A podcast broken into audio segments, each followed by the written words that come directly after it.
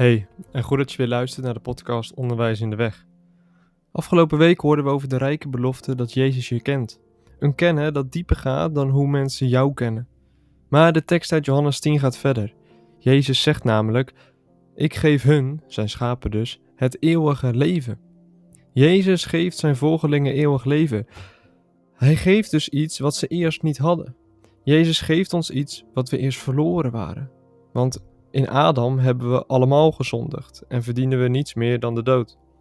Want elke zonde die we doen is een zonde tegen God die heilig is en daarom geen zonde kan zien en de zonde ook niet door de vingers kan zien. We stemmen daarmee in met wat Paulus zegt in Efeze 2. Dan zegt hij: Ook u heeft hij met hem levend gemaakt, u die dood was door de overtredingen en de zonde, waar u voorheen gewandeld hebt. En even verderop onder wie ook wij allen voorheen verkeerden in de begeerte van ons vlees, door de wil van het vlees en de gedachten te doen. En wij waren van nature kinderen des toorns, evenals de anderen.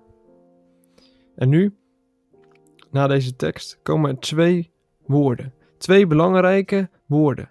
De twee woorden, maar God. Het stopt daar dus niet. Ja, wat wij verdienen is de dood. En daar heeft Paulus het ook over. We verdienen allerminste leven en laat staan het eeuwige leven te krijgen. Maar die twee woorden in Efeze 2, vers 4 omvatten eigenlijk het hele evangelie. De twee woorden, maar God. En laten we dan de tekst maar even doorlezen. Maar God, die rijk is in barmhartigheid, heeft ons door zijn grote liefde, waarmee hij ons heeft liefgehad, ook toen wij dood waren door de overtredingen, met Christus levend gemaakt. Uit genade bent u zalig geworden. Het is door genade dat wij zalig kunnen worden. En het is daarom ook puur en alleen genade waardoor Gods kinderen het eeuwige leven zullen bezitten. Daar zit helemaal niks van goede daden bij. Spurgeon zegt het volgende: Jezus heeft niet slechts het leven gespaard dat verbeurd was en het ons in die zin geschonken, maar hij heeft, ook, hij heeft ons ook een leven gegeven dat wij tevoren niet hebben gekend. En Rel zegt het volgende: Hij geeft het eeuwige leven om niet. Oftewel, voor niets, uitgenade, gratis, zonder geld en zonder prijs. Hij geeft het niet omdat wij het waardig zijn of het verdienen. Evenmin omdat we onszelf zullen voordoen alsof we het waardig zijn of het verdienen. Nee, hij schenkt het als een vrij gift omdat Hij ons lief heeft. Er kan dus gezegd worden dat het uiteindelijk niet van onze goede werken afhangt of van onze mooie woorden. Nee, die brengen ons er zeker niet. Alleen Gods liefde en dus Zijn genade geeft dat er toegang is tot het eeuwige leven. En als er dus niks van jouw kant moet komen, waar wacht jij dan langer op?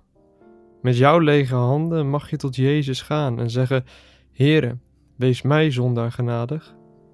En heeft God ooit een bidder laten staan? Er ligt als het ware nog een geheim in het zinnetje: Ik geef hun het eeuwige leven. Er staat namelijk niet: Ik zal hun het eeuwige leven geven. Of na hun dood geef ik hun het eeuwige leven. Nee, ik geef hun het eeuwige leven. Oftewel, Gods kinderen hebben al het eeuwige leven in bezit. Dat begint dus al hier ja, hier op aarde leven we nog niet volmaakt met Jezus. En na onze dood, of Jezus' wederkomst, zal het leven wel volmaakt zijn. Maar het eeuwige leven wordt ons dus al hier op aarde geschonken. Spurgeon schrijft daarbij de volgende bemoediging: Indien God u het eeuwige leven geeft, zo vrees de u omringde legerschade der hel niet, noch de verzoekingen der wereld. Want de eeuwige God is u een woning, en onder u zijn zijn eeuwige armen, waar je eeuwig op mag leunen. We kunnen dus ook zeggen dat het niet zo kan zijn dat je het eeuwige leven ontvangt en vervolgens een week later zegt: Ik had het eeuwige leven, maar nu ben ik het weer kwijt. Nee, of we hebben het eeuwige leven, of we hebben het nooit gehad. Oftewel, of je hoort bij Christus, of je hoort er niet bij. Als je mag weten dat je door genade, door Jezus bent verzoend en aangenomen, dan mag je ook delen in zijn zegeningen. En dus ook in de zegening ik geef je het eeuwige leven. Ja, de volgende zin in die tekst uit Johannes is ook: Zij zullen niet verloren gaan in der eeuwigheid. Daar zullen we de volgende week meer over horen. Maar het laat in ieder geval zien dat als je deelt in die zegeningen, je het ook zeker niet meer zal verliezen. Hoe ik dat nog meer zo zeker weet? Nou, vanwege degene die deze woorden spreekt. En dat is Jezus zelf. Rel zegt het zo. Wie zegt dit alles? Hij zegt het, die het heeft gekocht en de volle prijs heeft betaald. Hij die de sleutels van de dood en de hel in zijn handen heeft. Hij die opent en sluit. Hij die sluit en opent.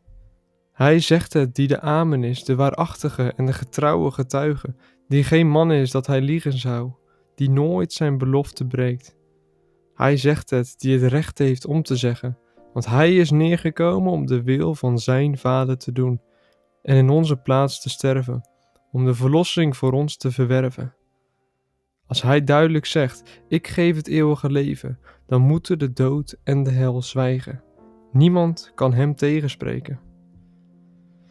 Jezus geeft dus eeuwige leven aan hen die hun vertrouwen op Hem stellen, die kunnen zeggen: Eerst was ik dood, maar ik leef. En zo mogen we meezingen met Psalm 68, vers 10. Gelooft zijn God met diepst ontzag. Hij overlaat ons dag aan dag met zijn gunst bewijzen. Die God is onze zaligheid. Wie zou die hoogste majesteit dan niet met eerbied prijzen? Die God is onze God van hel. Hij schenkt uit goedheid zonder pijl ons het eeuwig zalig leven. Mag dit voor jou gelovigen een houvast bieden in dit leven? Dat je mag weten wat er staat te wachten en dat dit alles maar tijdelijk is. Maar mag dit ons ook waarschuwen om niet te leven alsof het hier en nu alles is wat er is? Mag onze blik op het eeuwige, ja op Christus zijn? En jij die dit alles nog niet kent, ga vandaag nog naar Jezus, want Hij zegt het, dat in de hemel vele woningen zijn en Hij wil ook jou tot een God zijn. Hij wil ook jou uit die dode toestand levend maken, zodat je ook gaat leren zeggen: Ik was dood, ik verdiende niets meer dan de dood, maar God. Dan zijn die twee woorden het die jou houvast bieden in dit leven. Bedankt voor het luisteren en tot volgende week.